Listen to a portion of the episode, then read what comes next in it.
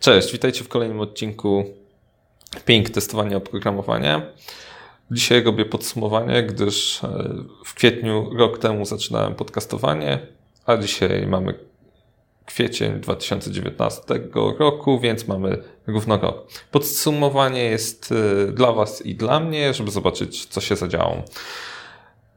A więc udało się nagrać 15 odcinków, czyli minimum jeden miesięcznie i to było takie pierwotne założenie dla tego podcastu, które ja sobie gdzieś tam e, zapisałem i myślę, że je udało mi się e, spełnić, mimo tego, że w, na przykład e, w marcu bodajże nie pojawił się żaden odcinek, natomiast w kwietniu pojawiły się dwa. Najbardziej popularne odcinki, w zasadzie dwa. Jeden był o rekrutacji z zeszłego roku, a drugi był dość chętnie słuchany z tego roku, który właśnie był w kwietniu, miał swoją publikację. Kolejnym bardzo ciekawym odcinkiem, który miał dużo odsłuchań, był zawód tester, jak zacząć.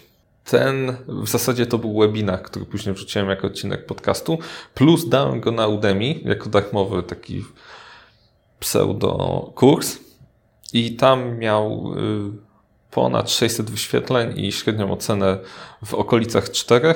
Dużo osób y, tam nie mogło trochę tego zrozumieć, że to jest webinar, ale za to bardzo dużo osób y, dziękowało za wartość, y, którą im wniosłem tym odcinkiem i tym mini kursem, nazwijmy na Udemy. Także takie małe osiągnięcie i to też wygenerowało dużą liczbę maili z pytaniami odnośnie testowania przyszłości i tym podobnych rzeczy.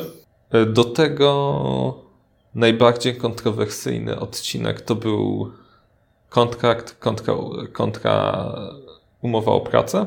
Chyba dlatego, że akurat wstrzeliłem się w taki, a nie inny okres, gdzie było głośno na temat e, testu przedsiębiorcy. Rząd się z niego wycofał, więc zostało to ubite, natomiast na jak długo tego nie wiem i na pewno w jakiś sposób będzie to dalej kontynuowane. Może będzie, na pewno będzie się naz na, inaczej nazywało i mi się wydaje, że najbardziej kontrowersyjna w tym wszystkim była ta nazwa test przedsiębiorcy. Natomiast prędzej czy później rząd będzie starał się to w jakiś sposób regulować.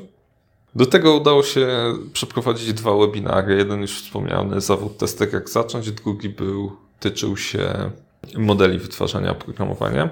Oraz udało mi się wystąpić na Akademii Jakości w Warszawie. W każdym razie to było bardzo fajne doświadczenie i sporo się nauczyłem dzięki temu. Co jeszcze udało mi się na, nauczyć, bo to w zasadzie hmm, oprócz tego, że ja tworzę jakąś wartość dla Was, to też y, sam mam z tego pewną wartość przez to, że się uczę pewnych rzeczy, przez co ten podcast tak wygląda, a nie inaczej.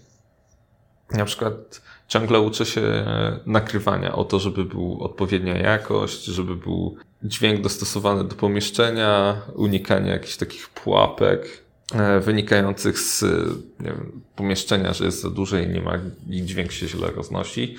Do tego też e, uczę się obrabiać to w postprodukcji. No, staram się najlepiej jak potrafię. Mm, jeżeli będę umiał lepiej, to, to będzie super. Jeżeli będę potrafił lepiej to robić, to na pewno Wam będzie się lepiej słuchało. Natomiast ja nie jestem z wykształcenia dźwiękowcem i nigdy tym dźwiękiem się nie e, jakoś nie zajmowałem, więc no, na pewno można lepiej, no ale też nie ma co się zaraz nie wiem, z tego powodu jakoś mocno dołować. No, robię rzeczy, których nie potrafię i muszę się ich nauczyć i proces, przez który przechodzę i przechodzi każdy, to jest nauka. A nauka ma to do siebie, że też się popełnia błędy. Nie godzimy się niestety ekspertami w danej dziedzinie. Do tego dochodzi też e, ograniczenia jakby sprzętowe, bo mam cyfra, rejestrator cyfrowy w zasadzie, e, który można nagrywać tylko jedną osobę. Nie mam takiego, gdzie można kilka źródeł dźwięku podłączyć.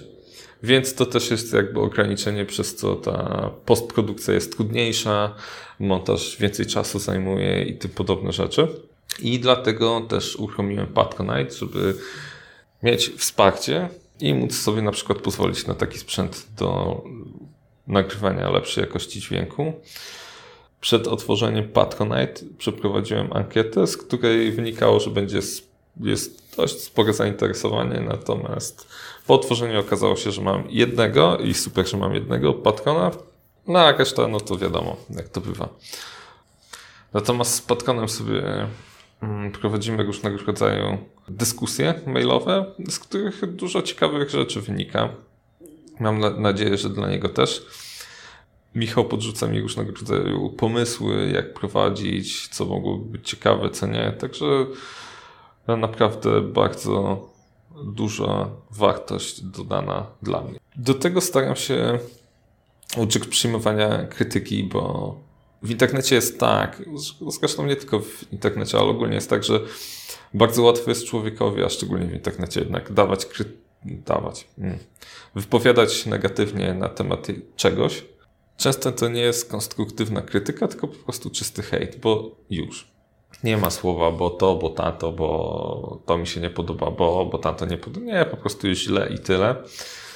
No to niestety, ale tego trzeba się nauc nauczyć przyjmować. Oczywiście też są słowa uznania, podziękowania, natomiast w większości przypadków jest to mniejszość, więc trzeba jakby tą grubą skórę w sobie e, wyrobić.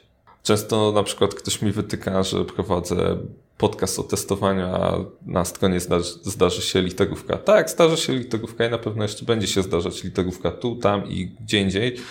Z tego względu, że nikt mi za to nie płaci, więc robię to po godzinach. Poświęcam, e, no, poświęcam swój czas, który mógłbym spożytkować na coś innego, choćby na naukę, nie wiem, automatyzacji albo nauki programowania więc y, z tego względu, że poświęcam swój czas, czasami się śpieszę i z tego wynikają błędy językowe i tym podobne rzeczy. Nie tylko językowe, ale czasami nawet coś źle ustawię albo coś źle kliknę i też się sypie to. To nie znaczy, że robię to specjalnie, tylko po prostu czasami de facto śpieszę się i ktoś mi powie, może powiedzieć, no tak, to się nie śpieszy, jak coś robisz.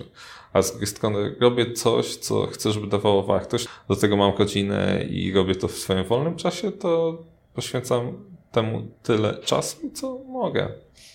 Ale podsumowując, trzeba robić e, tak, trzeba robić, trzeba wyrobić w sobie grubą skórę. Co dalej? Przenosiny. Jedną z rzeczy, które wiem, że popełniłem duży błąd, ale nie byłem pewien, jak w ogóle podcast się rozwinie, to był właśnie to, był właśnie to że podcast jakby mm, był połączony z moją stroną firmową. I teraz chcę to podzielić, bo to powoduje, że są pewne, pewnego rodzaju mm, ograniczenia, zarówno, zarówno na mojej stronie filmowej, jak i na podcaście, podcaście więc część kontentu już jakieś 70-80% już jest przeniesionych. Najgorzej będzie przepiąć wszystkie feedy i linki, żeby to nadal pojawiało się w tych miejscach, co powinno się pojawiać. Chciałbym też e, móc wydawać dwa odcinki miesięcznie, nie tylko jeden, ale no, to są jakby ograniczenia czasowe, których nie przeskoczę, ale bardzo bym chciał. I to tyle, jeżeli chodzi o krótkie podsumowanie tego, co się wydarzyło w przeciągu roku, podcastowanie. A taką ostatnią liczbą, którą chciałem podać, to jest wynik 300 pobrań na odcinek, co daje łącznie około 4380 pobrań tych odcinków, które stworzyłem.